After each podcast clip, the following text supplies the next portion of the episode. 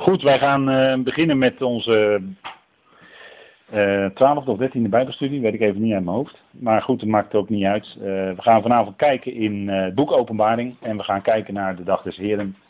En kijken wat daar in de schrift over geschreven staat. Dat kunnen we niet in één avond uitputtend doen, dat zal ik u alvast verklappen.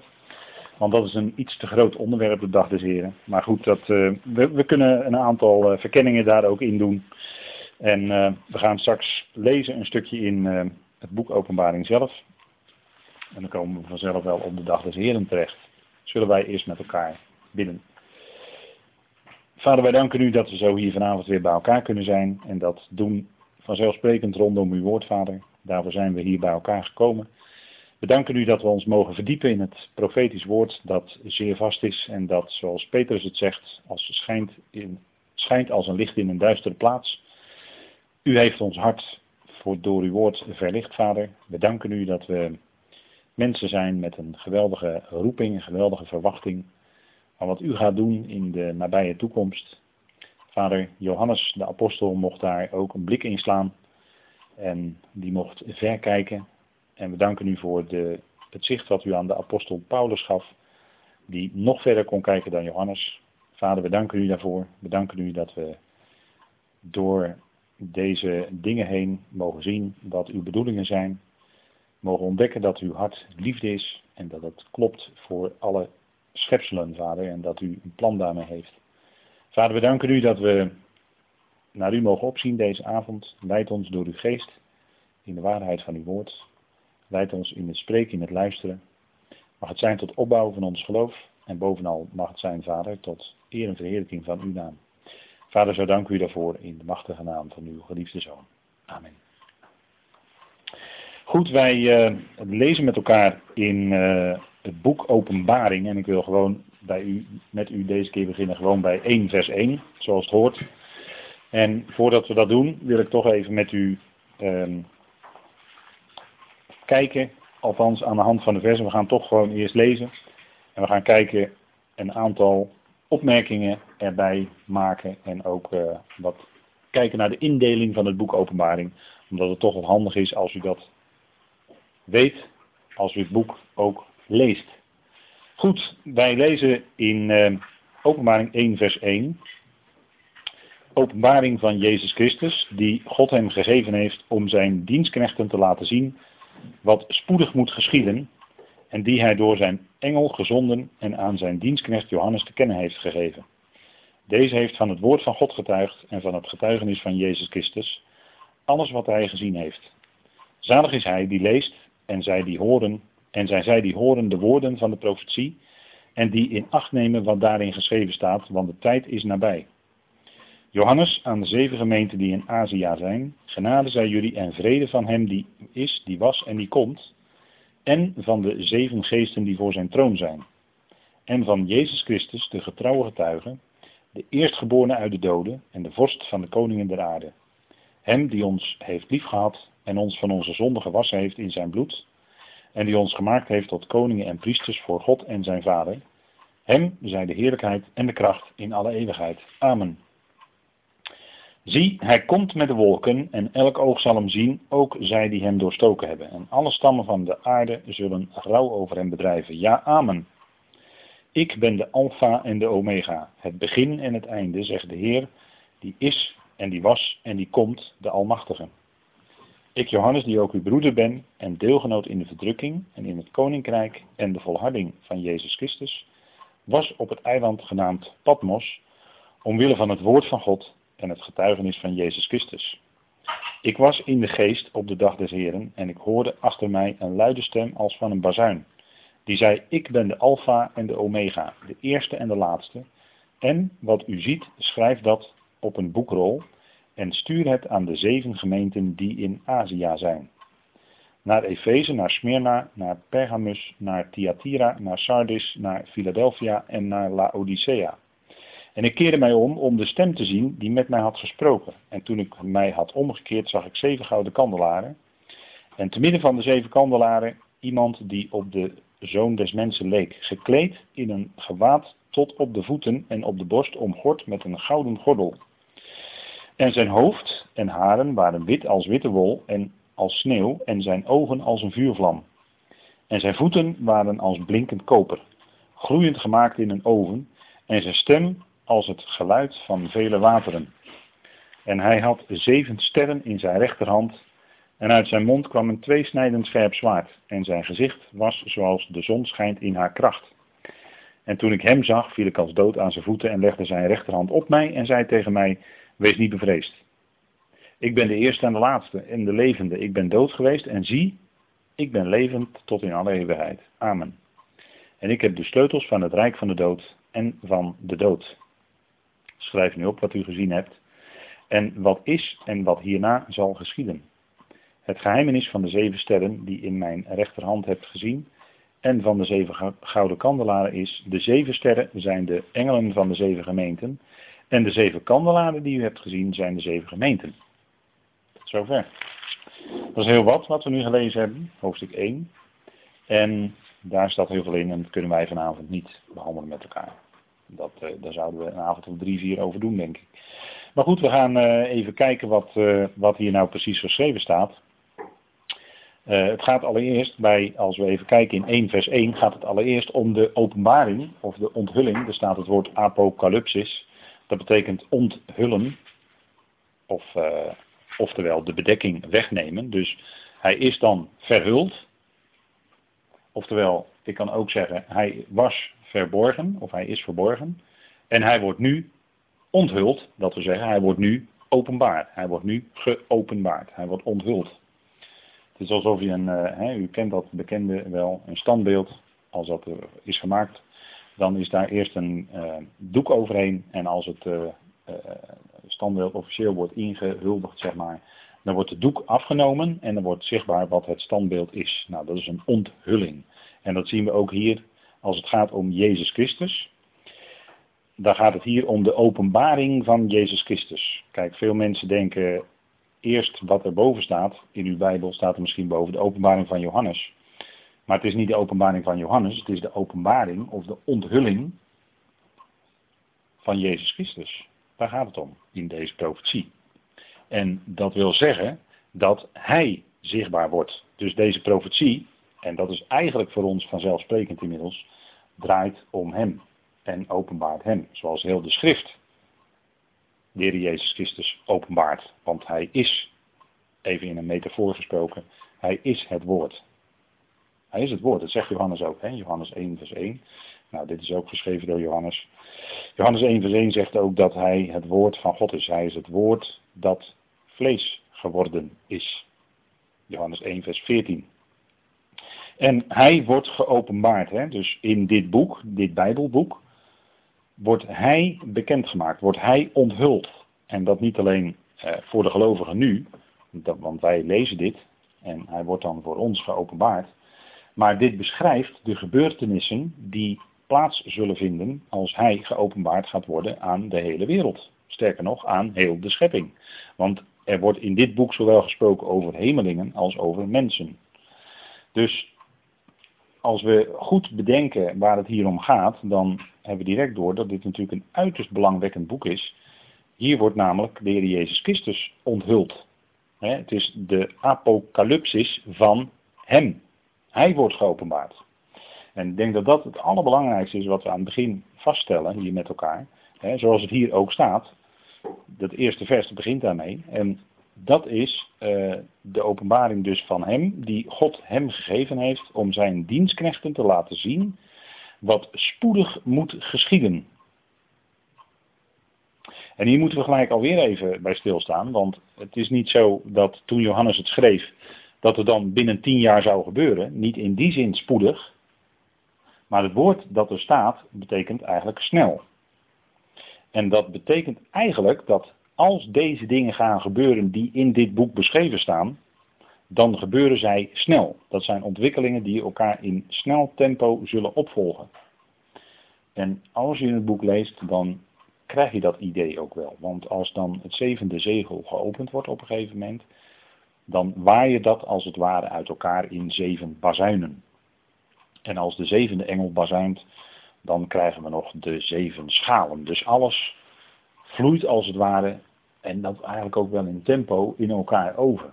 Alhoewel er soms wel een pauze wordt genomen van een half uur. Hè. Dan is er een stilte van een half uur in de hemel, staat er dan bijvoorbeeld. Hè. En wat in dit boek bekend wordt gemaakt, is ook de verborgenheid van God. Dus de God die nu zijn aangezicht verbergt voor deze wereld. Denkt u maar aan de voor u misschien wel bekende woorden in, dacht de profeet Jezaja, die daar dan eigenlijk het, het, de, het verlangen van het volk uh, bekend maakt en uh, dat gebed, dat uit dat, als er dan gebeden wordt, och of dat u de hemelen zou scheuren, of och of dat u de hemelen zou openscheuren. In feite betekent dat, hè? en u zelf dus bekendmaken, dat impliceert het eigenlijk. Nou, dat is eigenlijk wat hier in dit boek gebeurt. En in dit boek wordt ook geschreven over dat uh, uh, de hemelen zullen terugrollen als was het een boekrol. En als die hemelen teruggerold worden, dan wie wordt er dan zichtbaar? Dan wordt de Heer zelf. Hè? Dan wordt de Heer zelf zichtbaar. En dat is ook wat, wat we lezen. En de verborgenheid van God wordt dan ook beëindigd. En dan staat in dit boek, uh, als we even opslaan met elkaar, openbaring 10, vers 7. Daar staat dat. En we gaan dan niet dieper in nu op de zeven bazuinen die in dit boek klinken. Dit is dan de laatste bazuin van het boek Openbaring. En die moet u niet verwarren met de laatste bazuin uit 1 Korinthe 15. Want dat is wat anders. Die moet u niet met elkaar verwarren. Dat zijn andere omstandigheden, andere tijdstippen, dus, dus ook andere bazuinen. Maar hier gaat het om de laatste bazuin. Maar in de dagen van de stem van de zevende engel, van de zevende boodschapper, wanneer die op de bazuin zal blazen, zal ook het geheimenis van God volbracht worden. Ziet u het? Zal het geheimenis of de verborgenheid van God zal volbracht worden, oftewel zal voleindigd zijn. En er wordt zichtbaar wie God is aan iedereen. Dit is dus het einde van de periode die wij ook wel aanduiden met het geheimenis of de verborgenheid. Dat is de periode waarin God, waarin de Heer Jezus Christus zich verbergt, zijn aangezicht verbergt. En daar wordt die bedekking wordt weggenomen en er wordt zichtbaar wie ze zijn. En dat zeggen de mensen ook bij bijvoorbeeld het zesde zegel, als dat verbroken wordt. Hè? Want dan zeggen ze tegen elkaar, de toren van God en van het lam is gekomen en wie kan bestaan? Weet u wel, openbaring 6, dacht vers 15. Nou, dat is ook zo'n punt. Dus dan wordt het geheimenis van God volbracht zoals hij aan zijn dienstknechten de profeten verkondigd heeft. Nou, dat is natuurlijk wat uh, hier in dit boek dus aan de hand is. Hier worden dus de hier wordt dus de sluier weggenomen. Ja, hoe moet ik het zeggen? Hier gaan de coulissen opzij. En dan wordt alles zichtbaar. hier wordt alles zichtbaar gemaakt. Dan is, ook geen, dan is er ook geen mogelijkheid meer voor de mensen om zich te verbergen, want dan zal het alles doordringende gericht van God komen. En dat wordt ons wel eens voor de voeten geworpen. Van ja, jullie prediken alleen de, het heil en de redding en jullie prediken niet de gerichten. Dan zal ik die mensen hartelijk uitnodigen om op deze avonden te komen. Want dan spreken wij het profetisch woord en dan komen ook de gerichten aan de orde. Want gericht is een essentieel onderdeel van Gods plan. Alleen als je gaat, pas als je gaat ontdekken dat een gericht correctief is, dus ter correctie is, en uiteindelijk dus tot herstel is, dan ga je ook de functie van het gericht in Gods plan verstaan.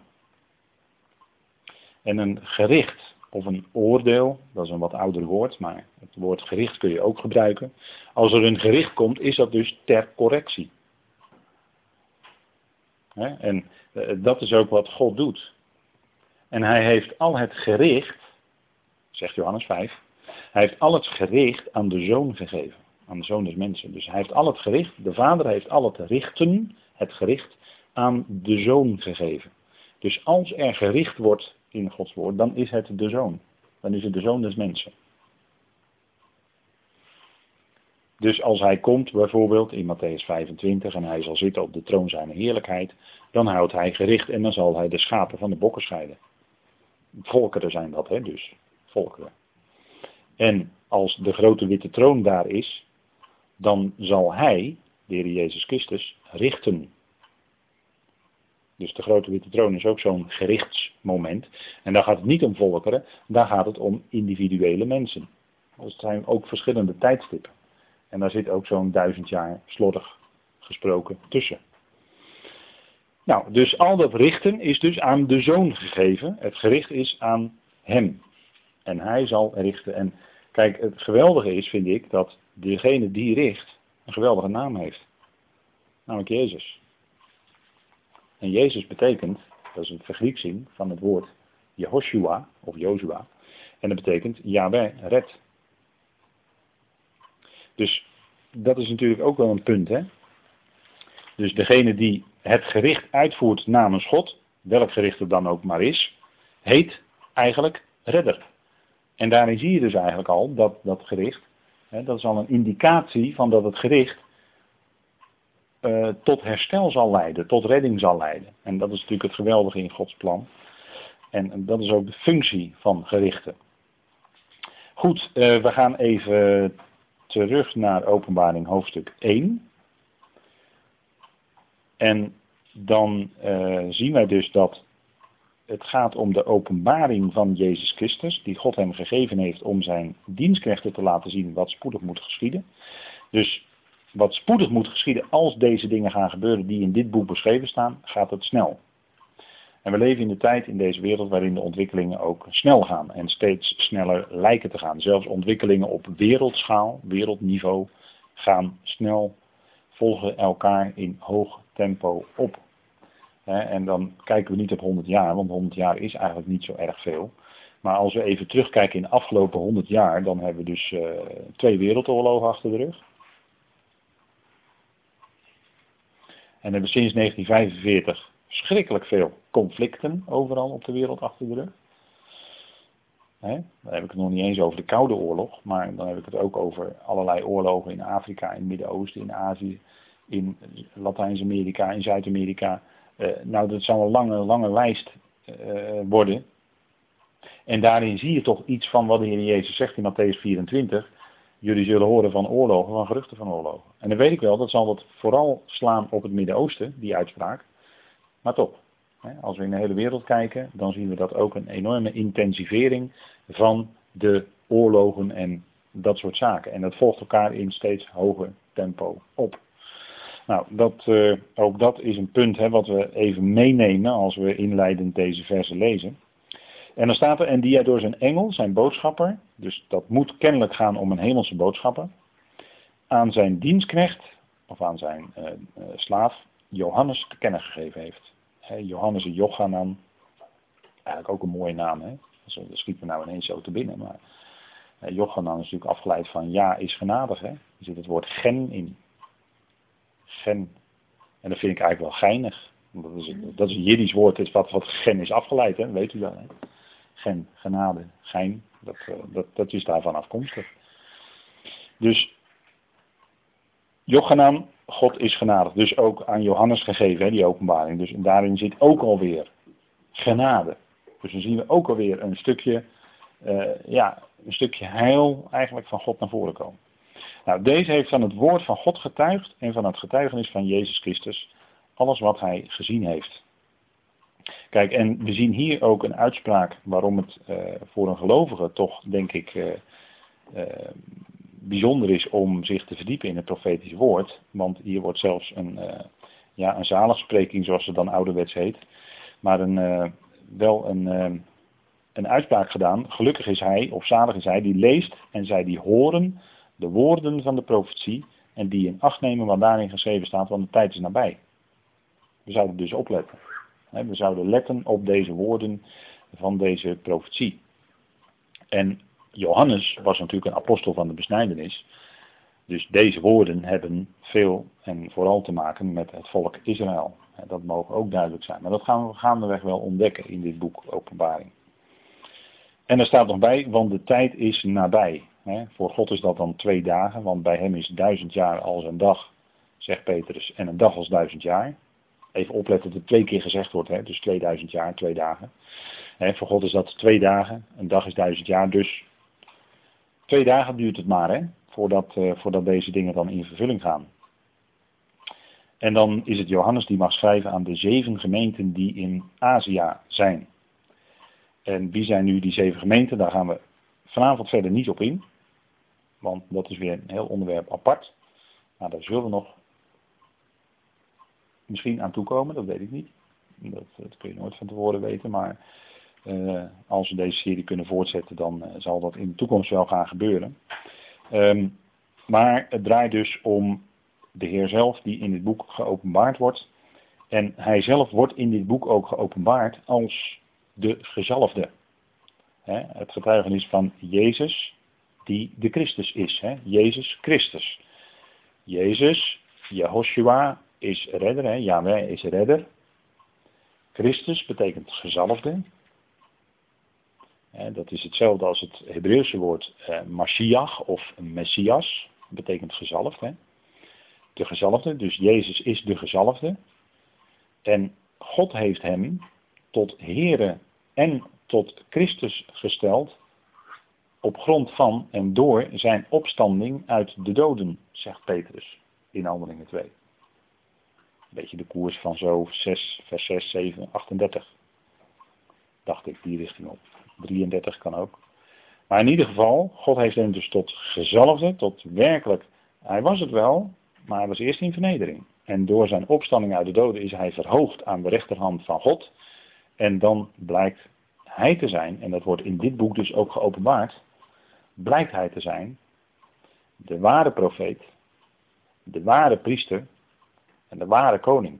Hij wordt ook genoemd de koning der koningen hè, in dit boek. De koning der koningen. Wordt, hebben we ook gelezen met elkaar in vers 5. De vorst van de koningen der aarde. Dat zegt dus, hij staat boven alle koningen van de aarde. Ook dat is een punt. Hè? Maar in, uh, in, in oudere tijden werden gezalfd koningen. Die werden gezalfd.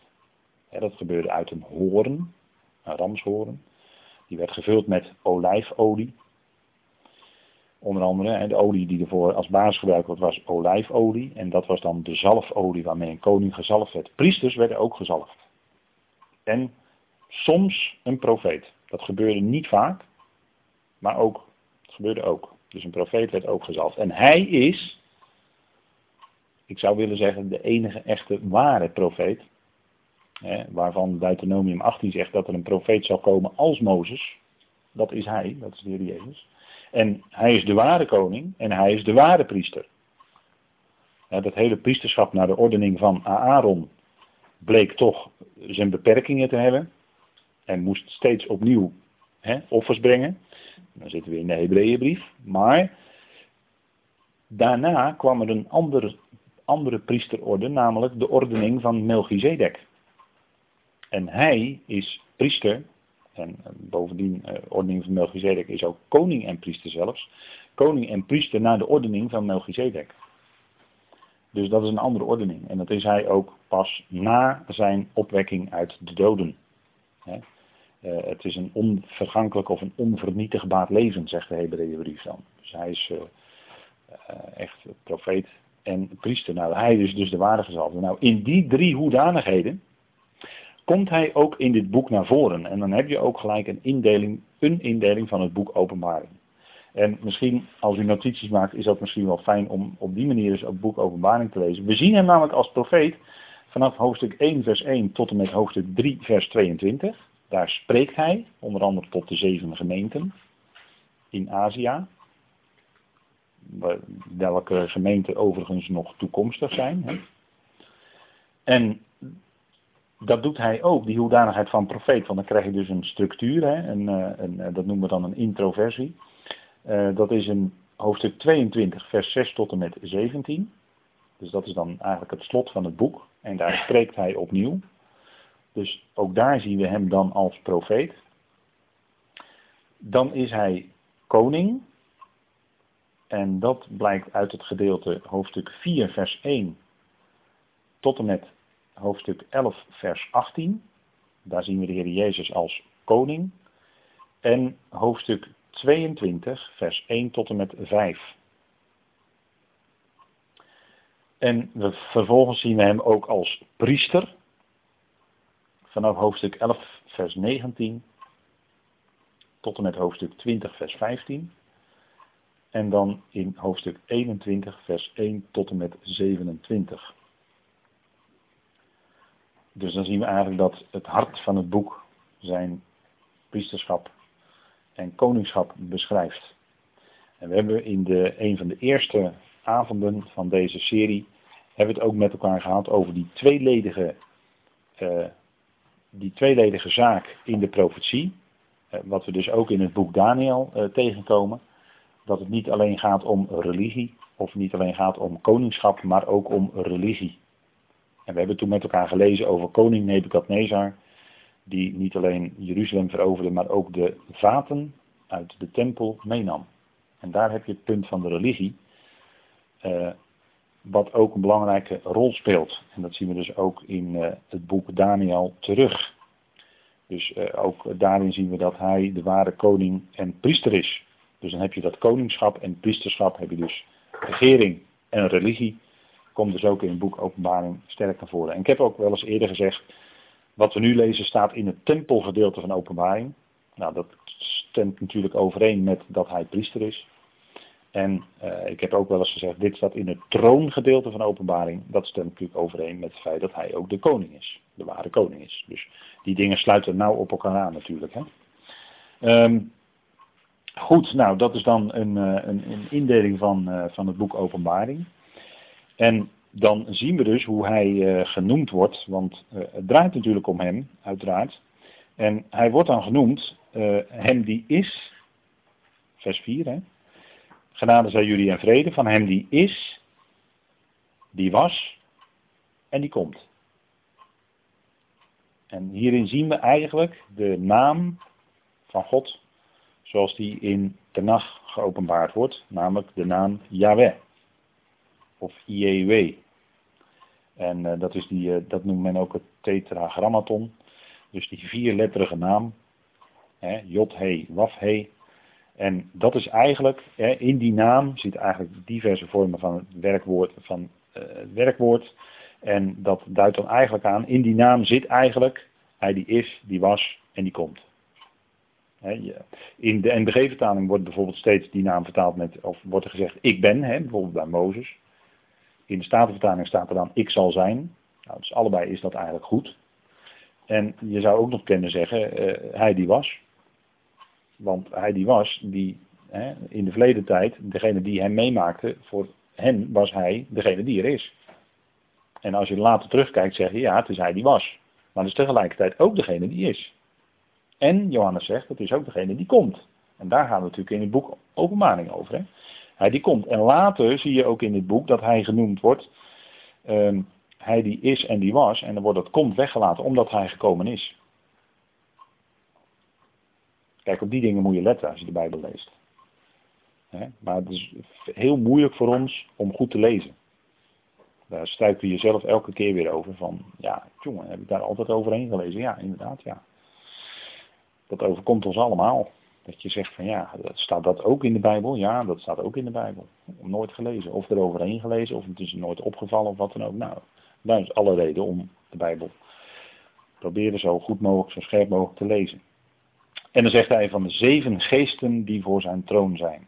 dus de volheid en zeven geesten. Eh, dat zouden eventueel zeven boodschappers kunnen zijn, hemelse boodschappers. Zou eventueel kunnen. Het zou kunnen duiden op de, de, de volheid van de geest. Het, boek, het woord zeven komt natuurlijk heel vaak voor in, uh, in het boek Openbaring. We hebben zeven kandelaren. Nou, we kunnen hele lijsten gaan opnoemen.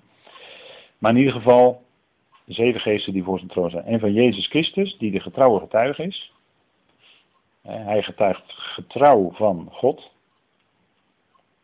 Hij getuigt, getuigt getrouw van het woord van God. Want hij vervult dat woord van God ook. En daarom getuigt hij. Hij is ook het woord van God.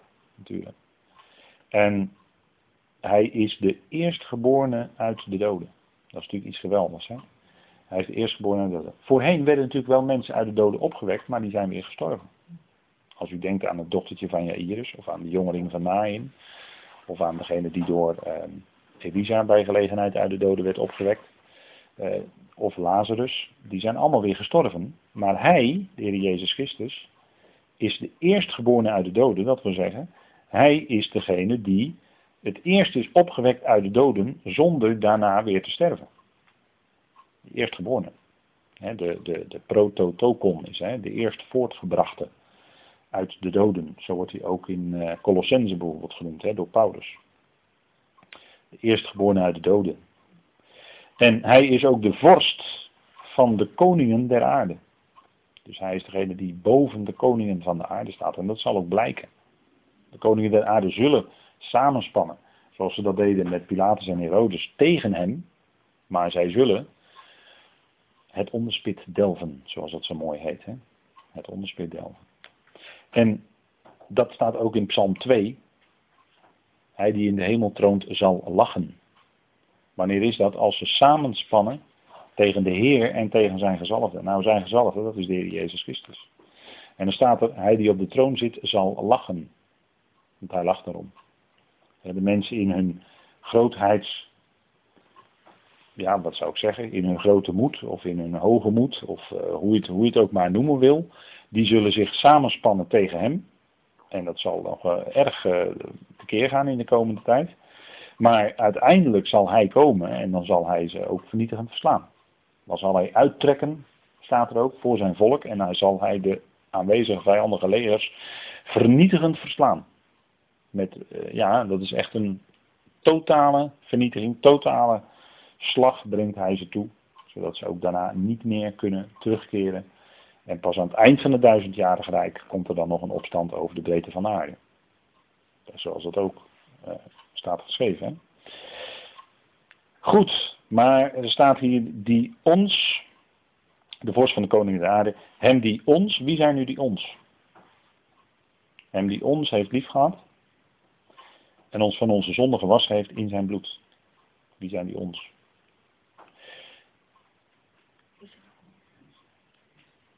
Israël, ja, het, het, het, volk waar Johannes toe behoorde. Johannes behoorde natuurlijk zelf tot het volk Israël. Dus in de eerste plaats, als het gaat hier over ons, dan zouden we toch moeten denken aan het volk Israël. Of uit, in, ieder geval uit de gelovigen uit het volk Israël. De, de, degene die de Heer Jezus als hun Messias kennen en beleiden. Die zijn zich dat bewust. Die lezen dit ook. Straks. In de grote verdrukking bijvoorbeeld. Als zij uh, misschien wel zich schuilhouden in Petra. Dan lezen zij misschien deze dingen. Ja, natuurlijk. Ze hebben dan, uh, dan, dan hebben ze daar de schriften. Het Nieuwe Testament lezen zij ook. En dan zullen zij deze dingen lezen. Matthäus 24 ook bijvoorbeeld. En dan zullen zij zich dat heel erg bewust zijn. Wat hier staat. Hè? Dus die ons heeft lief gehad. En ons van onze zonden gewassen heeft in zijn bloed. Hè, dat is natuurlijk iets geweldigs. Hè? De reiniging van hun zonden hebben zij, zijn, zijn zij zich bewust. Let op dat hier niet, niet gesproken wordt zoals bij Paulus over de rechtvaardiging. De rechtvaardiging om niet.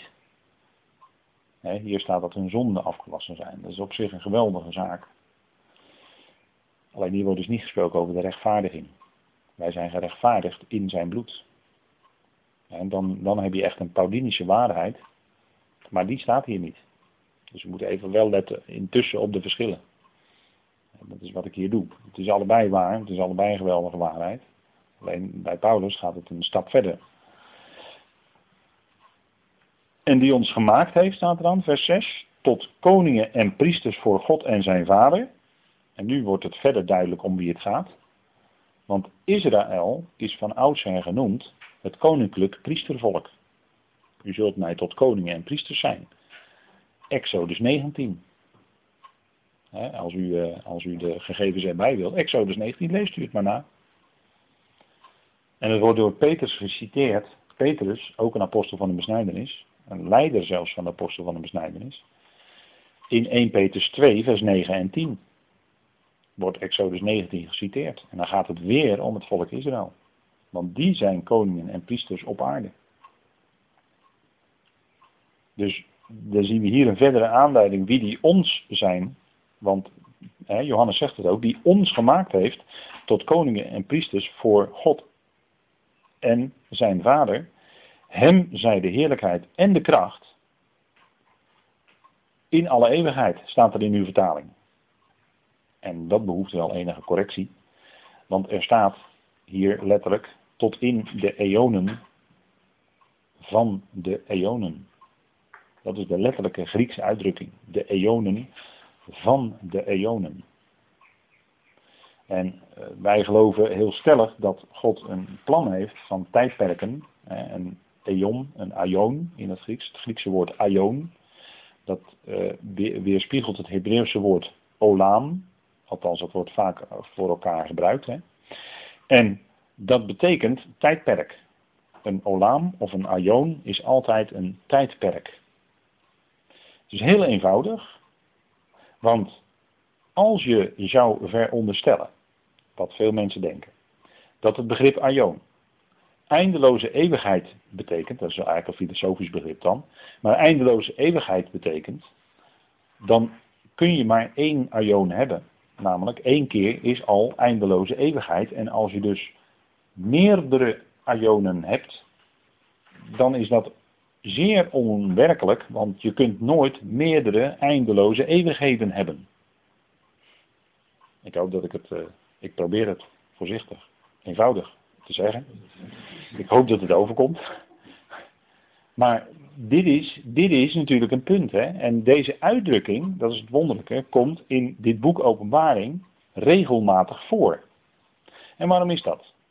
Dat is omdat het boek Openbaring beschrijft eigenlijk grotendeels de gebeurtenissen die plaatsvinden in de overgang van, de ene, van het ene tijdperk naar de andere tijdperken.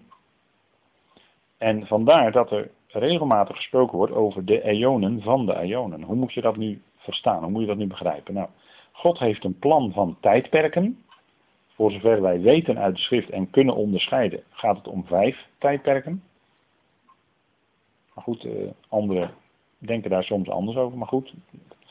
In ieder geval wordt er gesproken over, regelmatig over de eonen van de eonen. En uh, waar gaat het dan om? Dan gaat het om de laatste twee tijdperken in Gods plan. Namelijk de aion, of het tijdperk van de duizend jaren, zoals in openbaring 20 beschreven staan. En het tijdperk van wat in later daarna beschreven wordt in openbaring 1 en 22, de nieuwe aarde en de nieuwe hemelen. Dat zijn de laatste twee Ionen of tijdperken. En deze uitdrukking, de Ionen van de Ionen, heeft dus betrekking op die laatste twee tijdperken. Het gaat om de Ionen, de twee, die de vrucht zijn van de voorgaande tijdperken. En wat precies die voorgaande drie tijdperken zijn, dat voert nu even te ver. Maar voor dit moment even deze uitdrukking. Eh, omdat die hier nu eenmaal voorkomt, is het nodig om erop in te gaan. En die uitdrukking, en misschien kunt u dat uh, voor uzelf even noteren, dan kunt u dat in uw Bijbel aanpassen. De uitdrukking de Ionen van de Ionen komt verder nog voor in het boek Openbaring. Niet alleen hier in 1 vers 6, maar ook in 1 vers 18. In hoofdstuk 4 vers 9 en 10. in hoofdstuk 5, vers 13, 7, vers 12, 10, vers 6, 11, vers 15, 14, vers 11, hoofdstuk 15, vers 7, hoofdstuk 19, vers 3. Hoofdstuk 20, vers 10. En hoofdstuk 22, vers 5. En dat, dat is denk ik goed om voor even mee te nemen. Meestal wordt in uw vertaling dan gezegd in alle eeuwigheid. Maar dan uh, wordt u dus, uh, ja, dan wordt dus de vertaling geeft dan dus een bepaalde indruk. Maar wat er werkelijk staat is dus deze uitdrukking. Um, in de ionen van de ionen. Aistus, ionas, toon, ionon in het Grieks. Dan heeft u het even een keer gehoord. En dan staat erbij, Amen. Hem zij de heerlijkheid en de kracht in de eonen van de eonen. En dan zal het ook blijken. Klopt, exact. Want zijn heerlijkheid en zijn kracht zal blijken in die komende tijdperk. Waarin hij is koning en gedurende zekerheid ook nog priester. Koning en priester in de duizend jaar. En koning in de nieuwe aarde en de nieuwe hemel. Dus dan blijkt zijn kracht en zijn heerlijkheid. En denk erom dat dat een grote heerlijkheid zal zijn, die aan de schepping dan bekendgemaakt zal worden. De heerlijkheid waarvan Paulus iets opving en drie dagen blind was. Dat moet u even beseffen. Hè? Die heerlijkheid. Heerlijkheid heeft ook heel veel te maken met licht.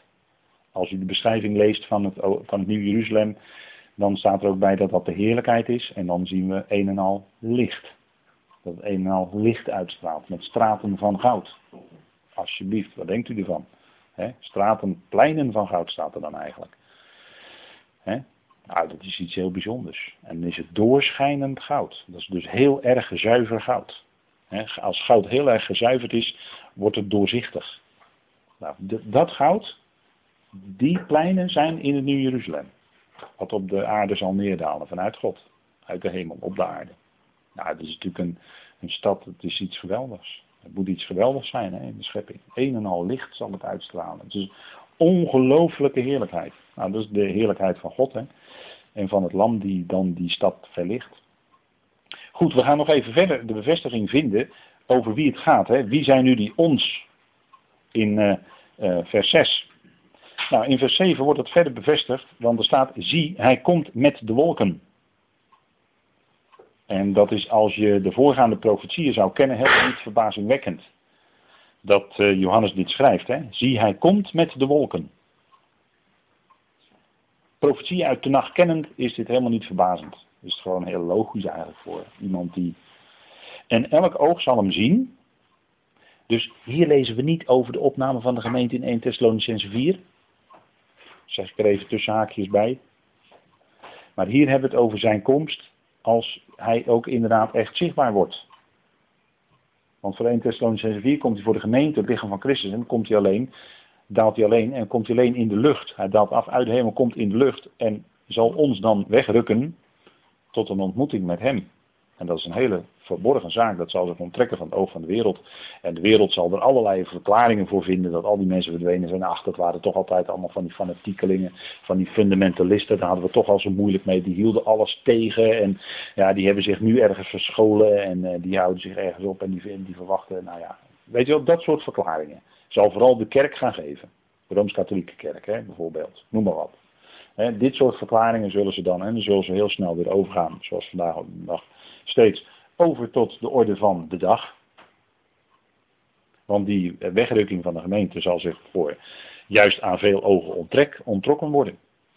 Maar hier staat, elk oog zal hem zien, ook zijn die, door, die hem doorstoken hebben. En alle stammen van de aarde zullen rouw over hem bedrijven. Eigenlijk zou je hier beter kunnen lezen, alle stammen van het land. Er staat namelijk in het Grieks het woord ge, en dat kan zowel land als aarde betekenen. Maar hier moeten we toch heel sterk denken aan land. Waarom? Omdat het een aanhaling is uit, aanhaling is uit Zacharia 12 vers 10. En daar gaat het overduidelijk over Israël. Zullen we het even met elkaar lezen? Zacharia 12 vers 10, want het is gewoon een uh, citaat.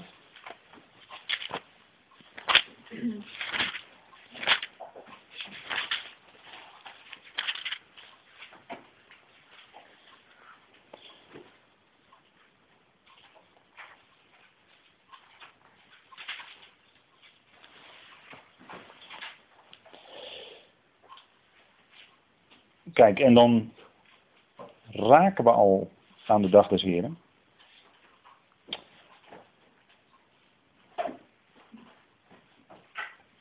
En staat dan in vers 9, Zacharia 12 vers 9. Zacharia is trouwens heel mooi, hè, die naam. Dat betekent ja, herinnert zich. Zakar betekent herinneren. En ja, het is eigenlijk Zachar ja. Ja, herinnert zich. Hij herinnert zich de belofte die hij aan het volk gedaan heeft. En op grond daarvan gaat hij handelen. Nou, dat is heel mooi hè, als die profeet, als dat het betekent, dat is natuurlijk geweldig. Hè? Nou, Zakaria Zacharia. En tegen de avond zal het licht wezen. Staat er ook, hè? Geweldige tekst, geweldige bemoediging. Tegen de avond zal het licht wezen. dat is heel, heel, heel bijzonder dat dat er staat. Maar goed, we gaan even kijken in eh, vers 9 van hoofdstuk 12. Op die dag, en dat is dus de, de inleiding eigenlijk, hè, de, de, dat is als de dag des Heren gaat komen, als die gaat aanbreken, zal het gebeuren dat ik alle heidevolken die tegen Jeruzalem oprukken, zal willen wegvagen. Daar heb, heb ik het al net over gehad. Hè? Dat hij die volkeren die tegen Jeruzalem opgetrokken zijn, vernietigend zal verslaan. Dat hebben we net met elkaar heel even besproken. Maar over het huis van David, dat is denk ik heel duidelijk. Hè?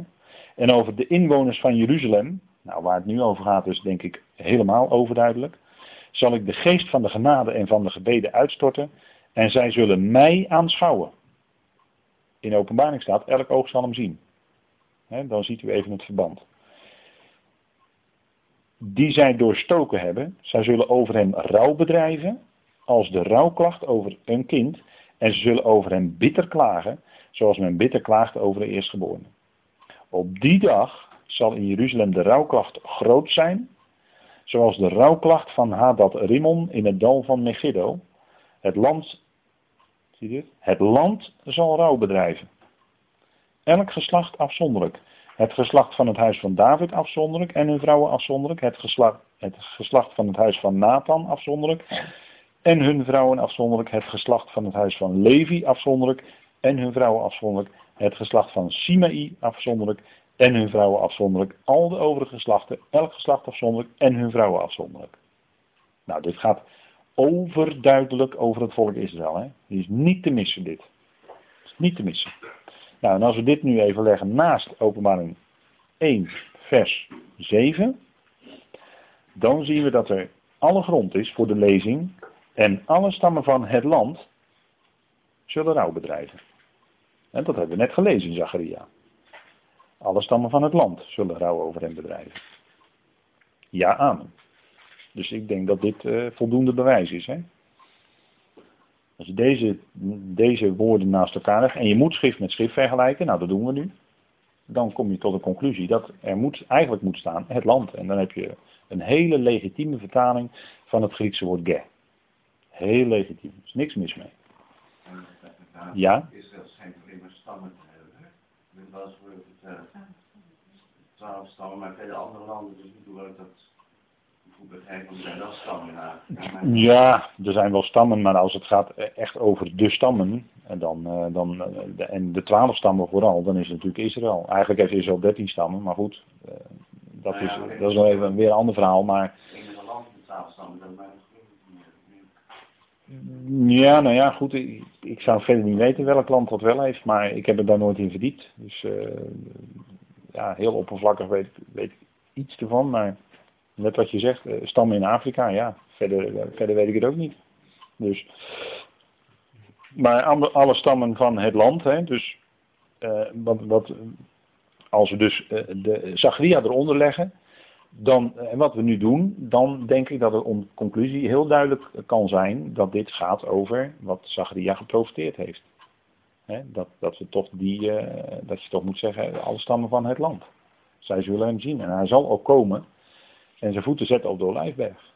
Ik bedoel, eh, ook dat is natuurlijk heel duidelijk. Staat ook in Zacharia. Hè? Dus ja, dan, dan kun je eigenlijk niet anders dan dat, dat concluderen. En ja, als u het mij vraagt, moet het toch die kant op wijzen. Ja, amen staat er dan bij. En dan staat er, ik ben de alfa en de omega. Het begin en het einde. dat is natuurlijk hij is het hele woord. Hè? Het de alfabet begint met alfa en eindigt met omega. Dus hij is het hele woord van God, eh, staat hier eigenlijk. Hè? Maar ook, uh, hij is het begin en het einde. Dus hij staat aan het begin. Hij stond aan het begin van alles. En hij zal ook aan het einde van alles staan. En dat betekent natuurlijk ook. Dus uh, in uh, Jezaja staat bijvoorbeeld ook over dat hij de eerste en de laatste is. Hè? Dat wordt dan over uh, Yahweh gezegd. Eh, kijk, in vers 11 van dit hoofdstuk, van Johannes 1, staat ook die zei, hè, Johannes keek om en zag die stem die tot hem sprak, hè, die, die luid was als vele wateren. En dan zegt hij, ik ben de alfa en de omega, de eerste en de laatste. En wat u ziet, schrijft dat op, enzovoort.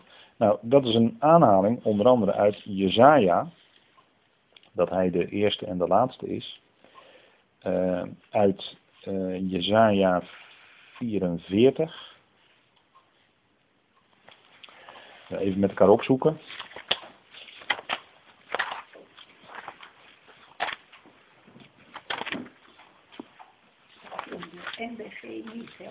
Ik ben de eerste en de wel. Nee. nee.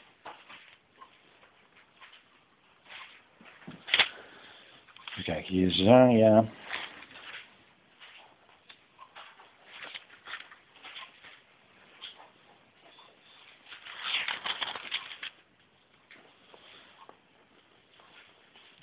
Nou kijk, bijvoorbeeld Jezaja 41, gaan we even iets verder terug, Jezaja 41, vers 4.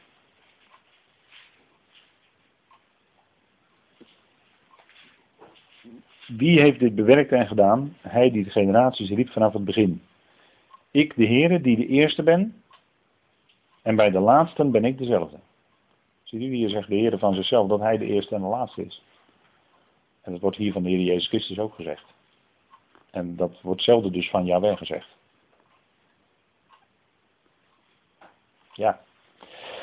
En dan hebben we even kijken. Um, Jezaja 44.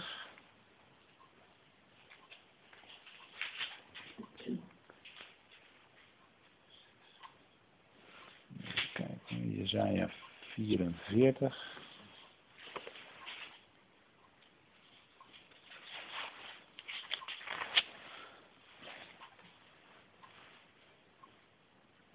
Ja, ja, ja, ja, ja, ja. Zo zegt de Heer, de koning van Israël, zijn verlosser, de Heere van de legermachten, Jaweh, Zebaot. Ik ben de eerste en ik ben de laatste en buiten mij is er geen God. Nou, daar hebben we het, hè. Dus de eerste en de laatste wordt ook van de Heer Jezus dus gezegd. En wordt ook van Jaweh gezegd. Dus zien we dat heel duidelijk dat uh, die dingen dus heel nauw met elkaar te maken hebben. En dat hij dus eigenlijk de openbaring is van Jabé. En de stammen van het land zullen dus rouw bedrijven, omdat zij dan zullen zien wie zij gekruisigd hebben. er stond, eigenlijk was dat cynisch bedoeld op het kruis, die aan, uh, dat bordje, ik ben de, of dit is de koning van de Joden. Dat was eigenlijk door de Romeinen cynisch bedoeld, maar het was wel waar, want hij was het. Alleen het was toen nog niet zichtbaar. Hij moest namelijk eerst lijden en sterven. En later, na zijn opstanding, na zijn opwekking uit de doden, zou hij zichtbaar en zal hij werkelijk de ware koning zijn. Nou, dus dan gaan we even terug. We hebben even in Jezaja en zouden nog meer teksten te vinden zijn hoor, maar deze twee volstaan even op dit moment, denk ik, hè, om even aan u te laten zien wie dit is. Hij, hij werd dus ook al genoemd, hij die was, die is en die komt. Dan hebben we de naam Yahweh. En er wordt ook van hem gezegd dat hij de eerste en de laatste is. En dat wordt dus, werd dus ook al van Yahweh gezegd in het Oude Testament, in Tenach, in de profetie. Dus dan zien we dat het heel sterk te maken heeft met hem en dat hij dus de openbaring is, degene die Yahweh aan de mensen bekend maakt. Het begin en het einde, hè, dus de alfa en de omega, het begin en het einde, die was, die is en die komt, de almachtige. En dat weerspiegelt natuurlijk de uitdrukking El Shaddai, hè, dus Shaddai.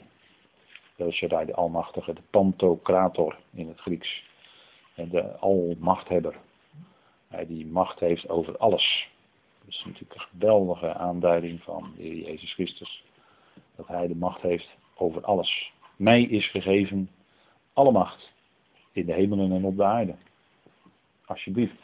Maar dat is nog niet zichtbaar. Nu zien wij nog niet dat hem alle dingen onderworpen zijn, zegt Hebreeën.